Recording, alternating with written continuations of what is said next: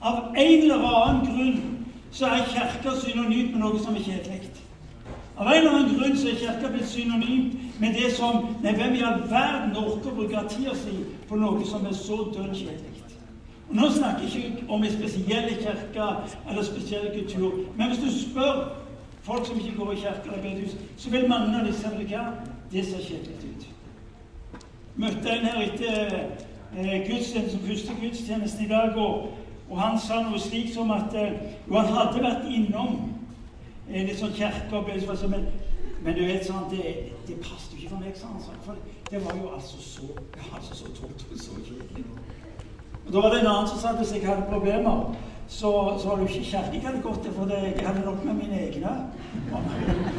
Om ikke skulle få noen flere. Altså, Det er noen av de bildene som folk har av oss som kaller seg for kristne.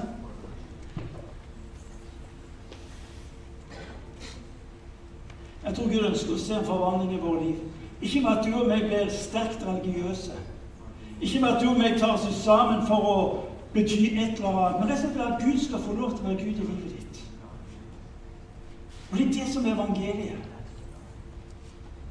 Gud har et mål med ditt og mitt liv. Det er å få lov til å være Gud i livene våre. Slik at du og meg våger å tro at når jeg ser mandagen og tirsdagen og onsdagen og uken og måneden som ligger foran meg, så er det ikke noe jeg ser på alene. Men jeg skal få lov til å se det sammen med en som kaller seg sjøl for Gud, Gud den allmektige. Jeg hadde gleden av å se en eh, dokumentar med Steve Jobs, grunnleggeren eh, av Apples, i siste uke. Eh, jeg vet at han var en råtass som, som, som leder. Eh, og det er mye å si om Steve Jobs, men det er jo vanvittig å tenke på det som fulgte i kjølvannet av ham. Han døde av kreft i fjor. På slutten av sitt liv ble han utnevnt til æresdoktor på et universitet i USA. Og på slutten av denne talen som han holder i dette universitetet Universitetet, ja. Jeg tror plutselig jeg sa universet. Det ville vært feil, men det var rett jeg sa så sa han nøkkelen i mitt liv er knytta til to ord. Det ene er å være sulten og være uansvarlig. Når vi jeg fikk kommentar på dette etter for jeg talte noe om det samme i formiddag. og så, så var det noen som var litt opptatt med dette med uansvarlighet og alt som da kunne gå galt. Så tenkte jeg at det var nok klart det. Eh, uansvarlighet i møte med de utfordringer i møte med de drømmer, i møte med det som du tror skal ha betydning. For der du og meg er opptatt med oversikt og kontroll, der setter vi også automatisk opp de rammene, de betingelsene og forutsetningene for at det skal skje noe i denne verden. Så eh, På fredag så, så jeg eh, eh Kon-Tiki med Tor Heyerdahl. Noen som har sett den? La meg få lov til å spørre. Har dere hørt om Kon-Tiki? Ja. Har dere tenkt å se den? Ja. ja. Den er for syv år, så prisen er bare 100 kroner. Det har du råd til. Du så den forrige. Ja, Da var ikke du født engang. Nøkkelen for Tor Heyerdahl og Kon-Tiki, vet du hva det var? Det var uansvarlighet. Å fylle Tor Heyerdahl der han dro fra kontor til kontor for å få støtte og hjelp til å finansiere og fullføre det som han mente han vitenskapelig hadde bevisst ble avvist. Uansvarlig. Tror du, som en sa, at vi har tenkt å finansiere en selvmordstur? Våg uansvarligheten. Våg uansvarlig. Steve Jobs hadde en sult, han hadde en drøm, han hadde en lengsel etter å se noe bli fullført, og gikk for det. Omgivelsen sa at det er for dumt, det går ikke an. Se på hvem du skal slåss med. IBM og alle de store, andre store foretakene. Tor Heyerdahl går fra dør til dør fordi han ønsker å få lov til å realisere drømmen sin og få tilbake en uansvarlig. Bruk vett. Finn på noe som er trygt, og som du har oversikten på. Vi skal møte en mann som Bibelen har plassert iblant en hel masse andre navn. Eh, en mann som Det har blitt skrevet, For hans bønn har blitt skrevet mange bøker, og det ble tolket mange prekener. Men det som er fascinerende med denne mannen hvis navn er Jabes, det er at han bærer et navn hvis navn betyr smerte. Hans, hans uh, fødsel og hans liv representerte smerte, det problematiske, det kompliserte. Det som ikke var lett å komme til rette med. Denne mannen med utgangspunkt i sin livssituasjon er det som formulerer en bønn som har talt til mange, og som har utfordra, og som jeg personlig tror egentlig er en Guds nøkkel til forvandling av mennesker og mennesker sitt liv. Denne bønnen skal dere få se når han nå kommer på tavla, og så vil jeg at dere skal lese den sammen med meg. Vi leser høyt. Og om du ville velsigne meg Utvide mitt landområde og støtte meg med din hånd. Bevar meg fra det onde, og la meg ikke volde smerte. Og Gud lot ham få det han hadde bedt om. Gud møter deg ikke der du er, eller der du burde være, men der du er. Jabes bønn har altså et innhold, og det knytter til seg en historie. Hver gang mor og faren ropte etter ham, så hørte han hva han representerte, nemlig smerte. Det vanskelige. I Bibelen var en mann og hans navn uløselig knytta sammen. Vi møter i Skriften, i presentasjonen av Javes, en ærlighet på livet. Et velsigna liv starter med ærlighet på livet. Jeg har gjennom årene møtt mennesker som forsøkte å gi inntrykk av noe annet for det de skulle oppnå. Jabes starter med en ærlighet på livet. Gud, hør nå, Gud møter deg der du er, ikke der du burde være. Og så møter vi her en bønn ifra en mann, men jeg vil du også skal tenke på den som en bønn for en menighet. Og om du ville velsigne meg, er det første vi leser. Vi tenker ja, ja, men det må jo være drapelig egoistisk. Det må jo være selvopptatt. Gud, velsign meg. Og så har du karikaturen med en gang. Men det interessante er at når du leser Salmenes bok, så vil du oppdage igjen og igjen og igjen så går det en formulering av en bønn Gud, velsign meg. Jeg leser en salme som en del av mitt eh, Guds liv, så leser jeg en salme hver dag. og Det er mitt råd til dere òg. Når du har lest alle salmene 150, så begynner du forfra igjen.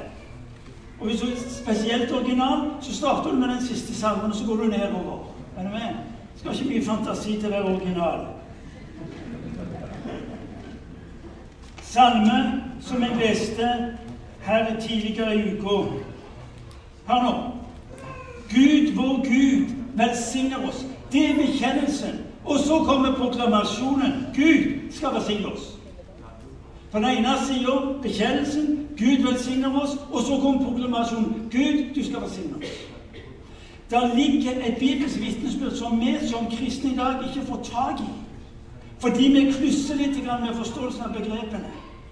Velsignelse er å erfare Guds nærvær og Hans hensikt fullført ved våre liv. Når du våger rope om Guds velsignelse, så roper du egentlig det i det som er Guds eget hjerte eh, for deg. Ordspråkene kapittel 10 vers 22. Det er Herrens velsignelse som blir rik, mens eget strev ikke legger noe til. Om du kunne få lov til å trenge inn i Guds hjerte, så var det som du ville høre han si 'Rop etter min velsignelse'. For når du roper og ber og begjærer min velsignelse, gir du meg muligheten til å virkeliggjøre mine drømmer i ditt liv. Jabes fokus på velsignelse er ikke å ønske noe mindre enn det Gud ønsker for oss. Gud velsign meg. Og det er altfor mange som sier ja, men det er egoistisk. Ja, det, men det, dette er altså Guds utfordring og oppfordring til deg. Rop det ut. La det få lov til å lyde av livet ditt. Fordi at når du søker Guds velsignelse som det viktigste i livet, så kaster vi oss bokstavelig talt ut i Guds vilje og kraft og hensikt for våre liv. Alle andre behov blir underordna mot dette og blir innelukka i det Gud vil gjøre i oss og mellom oss. Gud velsigne meg. Gud, du må velsigne meg. Du står opp om morgenen, og du har én bønn. Gud, du må velsigne meg i dag. Når du hører folk som sier at dette er en form for egoisme og, og selvopptatte, så, så sier det først og fremst hvor lite de har forstått av en bibelsk tankegang og et bibelsk liv. For når Gud får lov til å velsigne deg, blir ditt liv forvandla. Gud har forvandling av ditt liv som mål. Og det skjer ved at han får lov til å velsigne deg. Fordi at når Gud får lov til å velsigne ditt liv, går du også i Guds retning med livet ditt. Du ber om det samme som Gud ønsker for ditt liv. Guds rikets krefter får mulighet til å styre og prege ditt liv. Men det er en forutsetning. Det er altfor mange som tror at når jeg blir kristen, så, så er det akkurat som at eh, jeg er blitt en type robot. Jeg, det er en eller annen kraft eller skjebne eller Gud som trykker på knappene fordi at jeg skal gjøre et eller annet som er riktig eller religiøst korrekt. Men det Bibelen forteller meg at hvis du skal velsigne, så må du be om det. Spør, sier Jesus. Spør. Og det vil bli gitt deg. Matteus evangeliet kapittel 7-7. Jakob sier i Jakobs eh, brev kapittel 4 vers 2 Du har ikke fordi du ikke spør. Det er noe der med Herren som jeg ikke alltid forstår. For jeg tenker at Ja, men hvis jeg Hvis jeg er sånn blokka og ikke skjønner Jeg skulle ønske at han hadde bare sånn pressa det inn. Er du med? Hvis du er dum nok til ikke skjønne det, så skal jeg hjelpe deg til å få tak. Er du med? Men han gjør jo ikke sånn. Du må spørre om det. Du må ønske det. Du må omfavne det. Hva vil det si å være kristen til å omfavne det Gud gir meg? Hvorfor det? Er det fordi at kristen tro er ikke en sånn type plikt? Han kunne ha dirigert Adam og Eva. Han valgte ikke å gjøre det. Han kunne ha satt gjerde omkring det ene treet i hagen, men han gjorde det ikke. Du må spørre. Du må spørre.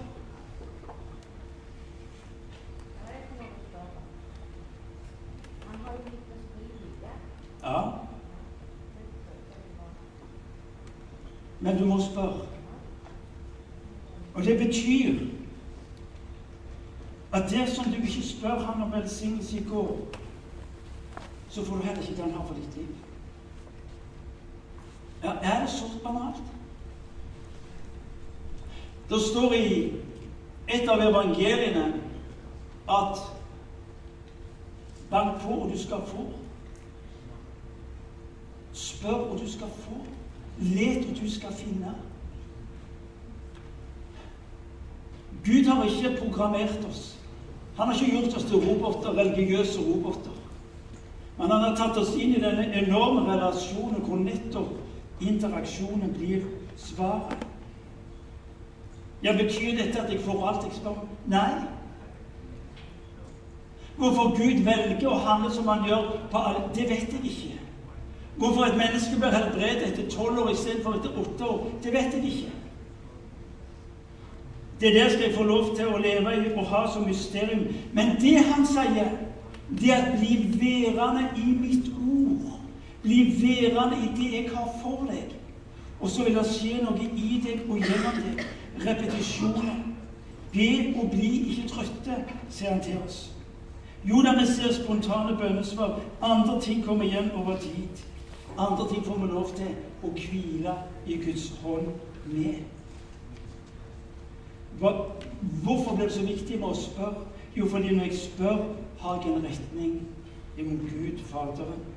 Dersom du ikke spør til Guds velsignelse, går du glipp av det som Han vil gi deg. Det er nemlig Guds natur å ville velsigne. Det er noen som sier at 'jeg har bedt en gang, og det skjedde jo ingenting'. Ja, kanskje var du ba en gang at det skjedde noe.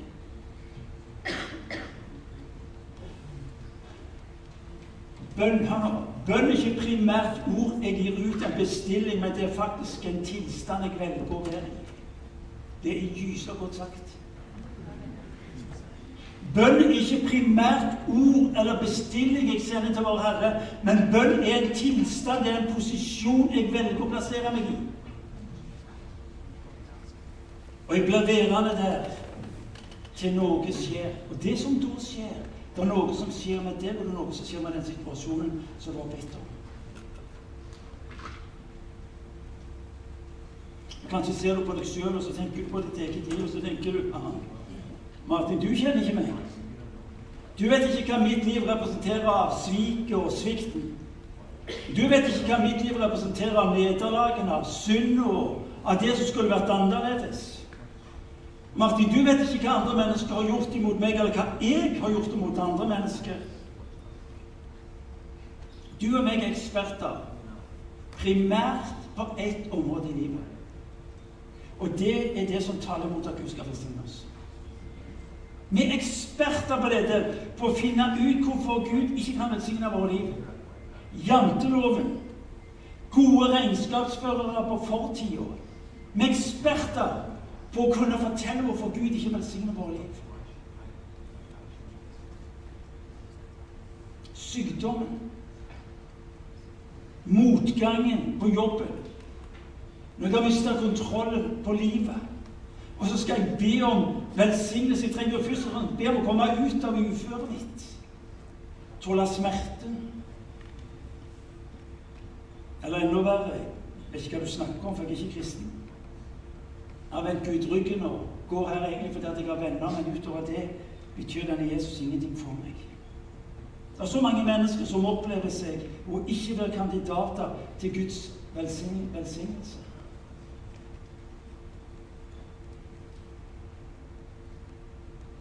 Vi lærer noe av denne mannen, smertenes sønn, i hans frimodighet uansett situasjon. Gud velsigne meg. For i det får Gud lov til å la deg erfare hans nærvær og hans nåde. Velsign meg, O, om du vil velsigne. Kan jeg få lov til å utfordre deg? Hver morgen i disse dagene fram til nyttårsaften så skal du, når du våkner, står opp, så sier du Gud, og om du vil velsigne meg. Og om du vil velsigne meg. Og så vet du at det er noe Gud ber ja i livet ditt. Det andre han ber om, er at du vil utvide mine grenser. Jabes går videre. Utvid grensene, utvid landområdet, utvid mitt liv, slik at det kan ha større betydning. Bønnen omfatter langt mer enn større hus og finere eiendommer. Sammenhengen sier noe om innflytelse. Denne høsten mange av dere skal møte utfordrende situasjoner. Mange av dere skal være nødt til å gjøre nye valg. For om du vågte seg, Gud, vil du, vil du utvide mine grenser.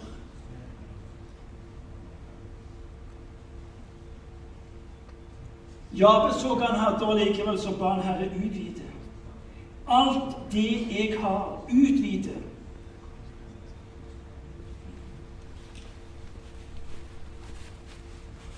Slik at jeg kan berøre mennesker på jobben, skolen, familien, og det her er litt uansvarlighet. Men vi som kristne vi er, så, vi er alle så grapseredde for å være uansvarlige. Er du med? Altså Hvis vi skal be noe om Guds kraft og utvide alle andre områder til, så skal det være noe kristelig. Hvor mange av dere har bedt Gud om å bli forfremmet på jobben, f.eks.? Gud, la meg få lov til å bli forfremmet på jobben. Jeg tror jeg kan gjøre en god jobb. Og så våger du å stå i det.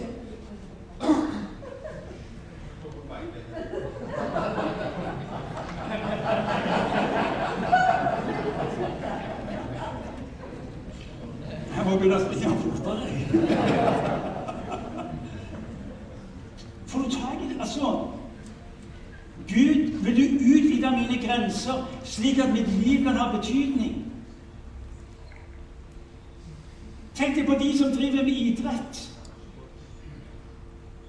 Takke Gud for det han har gjort meg god. Mm. Jeg har ennå gode hører han som sier 'takke Gud'. Altså når han tapte, så jeg 'takke Gud' for han var nær meg og meg. Ikke vant, men det er en annen sak. Eller han som spiller golf.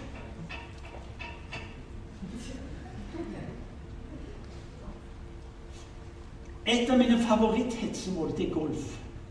Det er noe av det mest meningsløse jeg vet om.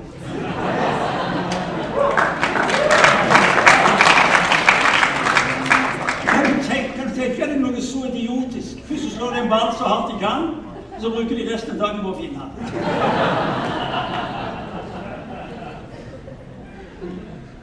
Be om framgang. Det går fortere å finne den der ballen. Ja, ja. En av mine beste venner driver på med, med golf. Jeg vet hvor han gikk i alt det der, altså, men han var på gudstjenesten i formiddag.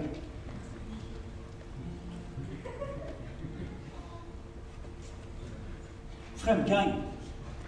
Gud, vil du utvide grensene på det som er livet mitt, slik at mitt liv kan ha betydning? Når du våkner om morgenen og har tenkt å stå opp, sier Gud, vil du utvide mine grenser, slik at jeg ser muligheter? Mulighetstenkerne. De som ser vet du hva, her, her kan det skje noe. På arbeidsplassen. Utvikling av nye ideer. Forfremmelser. Økonomisk vinning.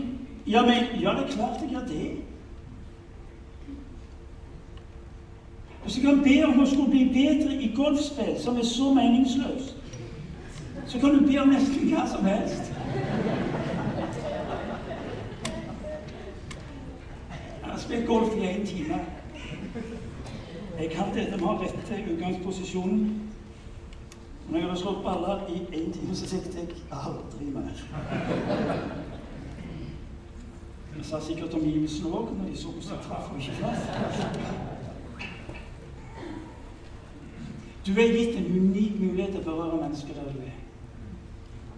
Men la situasjonen få lov til å være utgangspunktet for at du kan berøre mennesker med det som har med Gud å gjøre. Hvordan flytte grenser? Ved å være åpen for at Gud vil føre deg inn i situasjoner hvor Gud kan bruke deg. Godhet.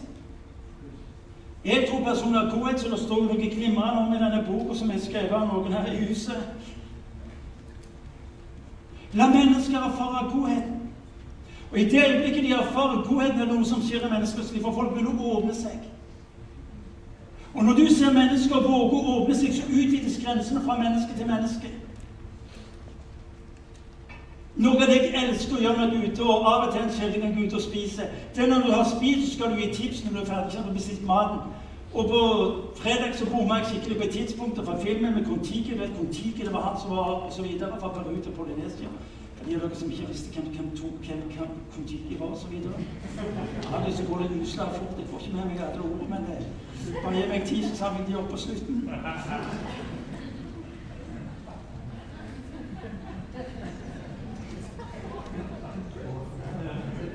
Så vi endte opp på Hva heter denne kafeen på, på Sølvberget? Kulturkafeen, er det? Kultkafeen. Progressivt. Ikke for oss gamle. Men det var det eneste som var åpent, som gikk inn der og satt og ventet. Jeg skulle bestille et kakestykke, og to kopper med kaffe. Og så betaler jeg, og jeg ga godt med tips. Folkens, jeg ga godt med tips. Like når han tok opp, så så han på meg sånn Takk skal du ha. Smilte. Og jeg tenkte det var helt normalt, det. Og så var det vel som tar med meg kakestykker og to, kopp, to krus med kaffe. Så så jeg jo ikke på koppene. Er du med? Så det jeg da gjør, er at jeg dunker begge koppene med kaffe ned på gulvet. Koppene knuses, og vannet flyter utover. Han ser på meg og sier han, 'Ikke problem', sa han. Det der fikser jeg. Du skal få to nye kopper med kaffe. Så jeg var gyselig. Ja, du gjør ingenting. Jeg har to nye kopper med kaffe. Ha en god kveld. Nå sier jeg ikke at det hadde med tipsene å gjøre, men jeg tror det har noe med en opplevelse av godhet som utvider grenser i menneskers liv. Dere har hørt meg si det sist gang. Mennesker har ikke sagt nei til Gud. De vet bare ikke hvordan han ser ut. Gud har ett ansikt i denne verden. Jesus har ett ansikt i denne verden, og det er ditt ansikt. Du berører mennesker. Du utvider grensene når mennesker i dette tilfellet får lov til å erfare godhet. Sprenge grenser i ditt liv. Stå opp om morgenen og se vet du hva, Gud?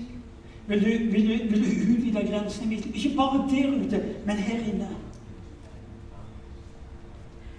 Kom an. Alene var han ut dette huset sagt hvis han var skikkelig pinsevenn med det. Du som er pinsevenn, har tillatelse til å si Amen.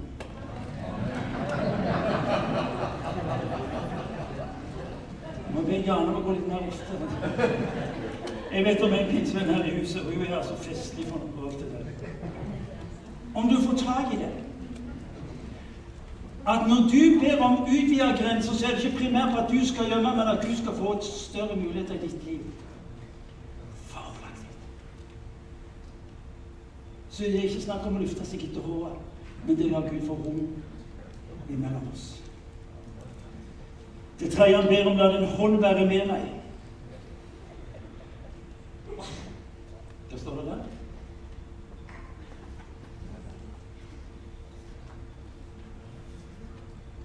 Støtt meg med din hånd. Du kan bare la den stoppe. Støtt meg med din hånd.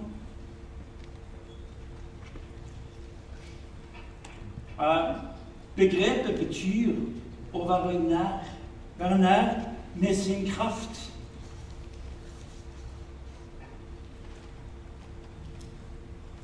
Når uh, Gud tar oss inn i dette guddommelige prinsippet om å støtte oss med, hånd, med sin hånd, så er det i situasjoner som vi sjøl ikke behersker eller kontrollerer. Vi snakker om brødre.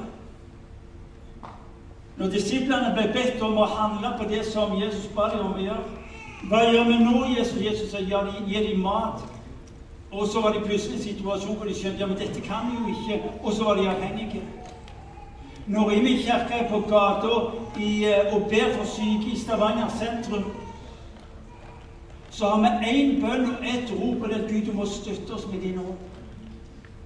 Bjørn forteller, Bjørn var nede på, på Akta Han forteller han var der nede på torsdag kommer i samtale med et menneske som er, har tatt avstand fra det som har med kristen tro å gjøre. Og så spør Bjørn han ja, men hva skal til for at du skal tro? Hva skal til for at du skal tro? Det er et glimrende spørsmål. Ta det med dere når dere møter mennesker som er fremmed for troen. Hva skal til for at du skal tro? Og så sier man en miracle. Et under som jeg sjøl får se og være en del av. Gud, støtt meg med din hånd. Det sier noe om avhengighet. For du og meg er ikke i stand til å helbrede mennesker. Du og meg har en avhengighet. Men det er jo nettopp dette som er poenget, folkens. En avhengighet av Gud gjør vanlige mennesker til helter. Som Jabes så deg, så meg. Gud, med din hånd, må din hånd være med meg. Og så sier Paulus i Nytestamentet ikke slik at vi, at vi gjør oss selv i stand til dette. Det er Gud som har satt oss i stand til det. Herrens hånd, kraft og nærvær, sa jeg. Vitnesbyrdet om den første kirka lyder, så lyder det at Herrens hånd var med dem, og mange kom til tro. Det interessante er det interessante er at det som kjennetegna urkirka, var ikke først og fremst en dynamisk evangeliseringsaksjon. Men det står at de, de kom sammen, og så ba de, og så hørte de Guds ord. De makta denne fenomenale kombinasjonen av å være på gudstjeneste, og så var de sammen i cellegrupper eller husgrupper senere. De makta Og det er noe av det jeg tror vi står i fare for å miste i vår tid. For vi har, vi har en utvikling som, som søker å skille et senter med de små enhetene. Men det er noe med å holde det sammen. Som en lærer av urkirken i eh, Jerusalem. At der de sammenholdt, var det kraft, og det eksploderte. De kom sammen så ba. Derfor er gudstjenesten så viktig. Det er et sted å komme sammen med de andre.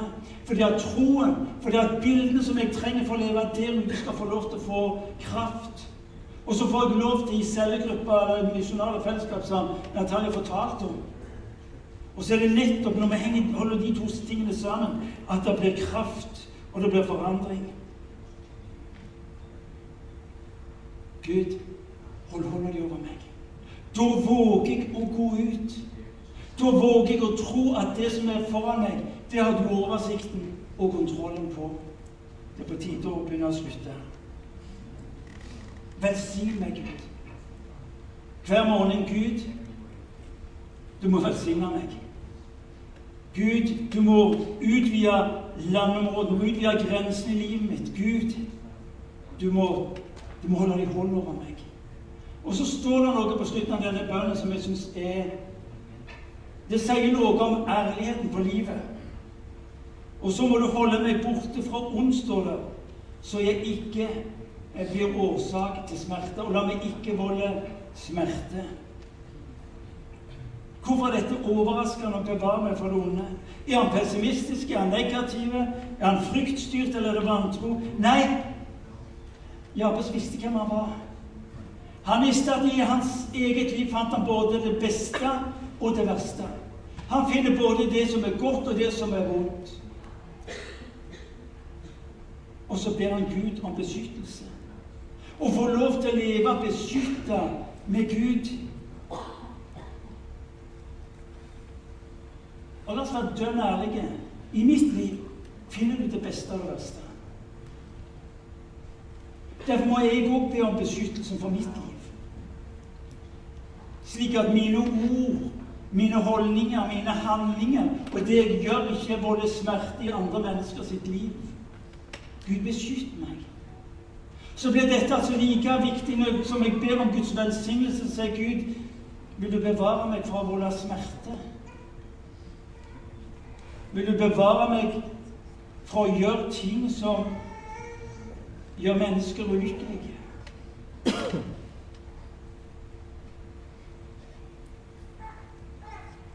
Hvordan bli bevart fra det onde? Ved å bli værende i bønnen.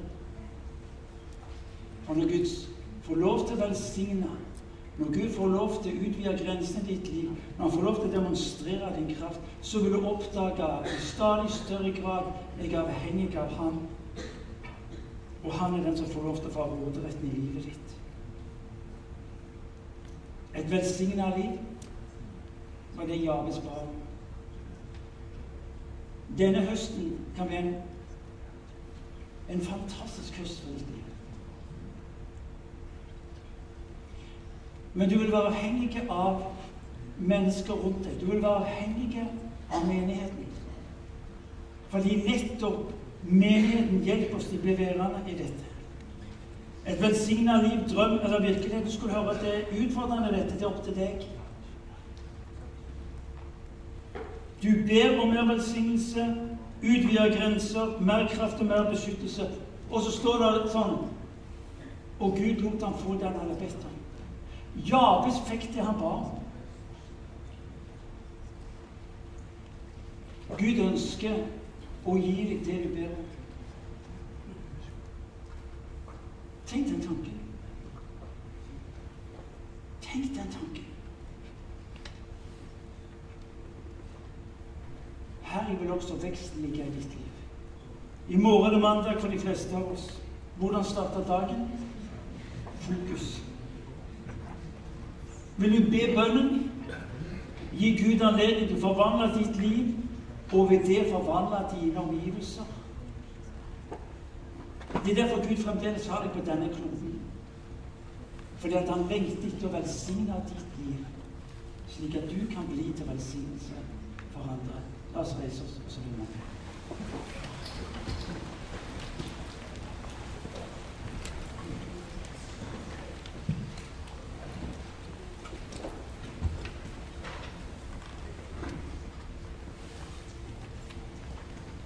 Eivind, kan du, gi, kan du gi oss teksten?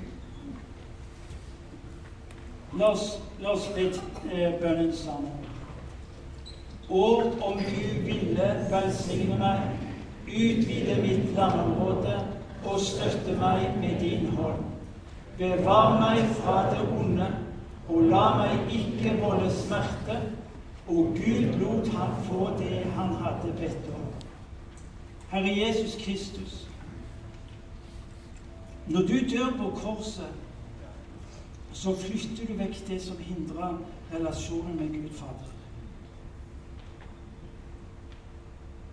Det er du som legger i vår munn ordene om at alt er mulig for den som tror. Fordi troen ikke har med oss å gjøre, men den har med deg å gjøre. For vi ønsker ikke å tenke mindre om våre liv enn det du gjør. Her Vi ønsker ikke å se våre liv ha mindre betydning enn det du gjør. Og så lærer du oss i denne bønnen om å se utover, oppover, for å bli en del av det som du lengter og vil gjøre i vårt liv. For jeg ber du om at du skal gjøre noe med øynene våre, så vi ser som du ser. Ser oss, den enkelte. For jeg ber om at du skal la oss våge å omfavne den bønnen som du legger ned i oss. En bønn som du ber oss om å be, for at du på den måten kan få lov til å forvandle liv. Herre, vi ber om å få lov til å ikke bare omfavne, men også bli omfavna.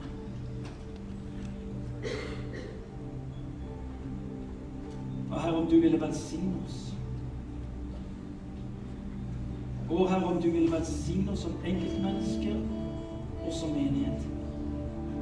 Og Herre, om du ville velsigne oss som, som menighet, slik at vi kunne få lov til å se byen og landet, Herre Jesus, og langt utenfor landet vårt berørt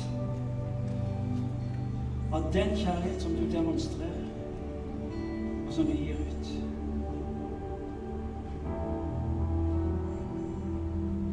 Herre, om du vil velsigne oss. Vil du ta vekk sperrene i livet vårt, tankesettet som forteller oss at dette er selvopptatt og egoistisk, som vi, som vi våger å be i henhold som du ber. Som vi handler i henhold til som du handler. Rive ned løgnen, Herre. Så lett har bundet oss til det vi sjøl klarte med litt ekstra innsats. Herre, vi ber om du vil velsigne oss. Herre, ber om at du skal utvide grensene i våre liv innover, Herre. Riv ned grensene, Herre, som, som, som hele veien forteller oss om hvem du og hva du ikke kan gjøre. Hvem vi er og hva vi ikke bør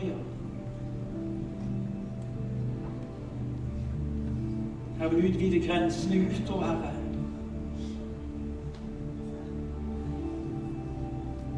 Far, jeg ber. La oss få lov til å innta det land som ligger foran oss. Spar oss for å definere grensene. Spar oss for å definere hva som er mulighetene. Herre, bevar oss for å tenke på denne verdens vis. Herre, gi oss å tenke som deg.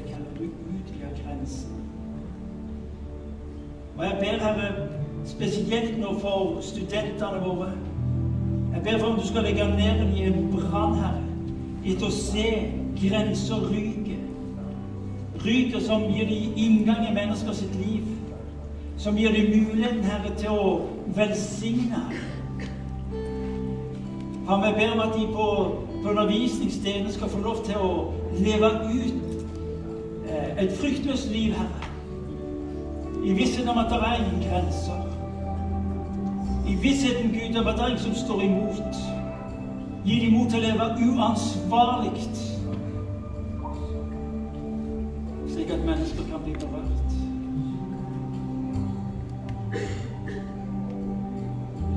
Takk fordi du holder din hånd. Herre, takk. Takk fordi du har sagt at din hånd, Herre, den skal gå med oss. Og det ved Herrens hånd det skjer.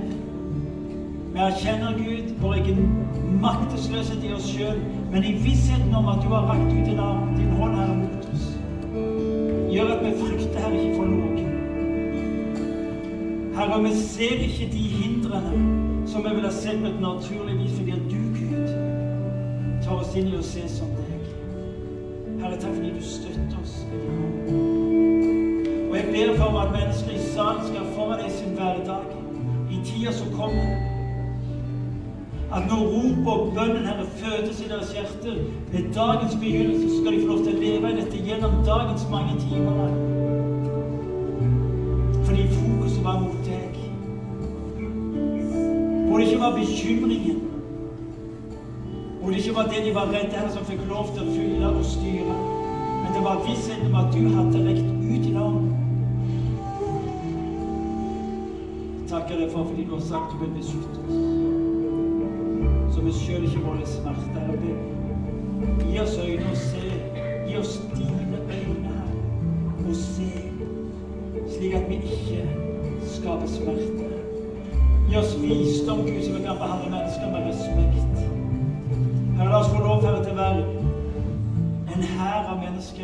Som bringer godheten med seg ut på en slik måte at der hvor sorgen og smerten ville være det naturlige, her var det nåden,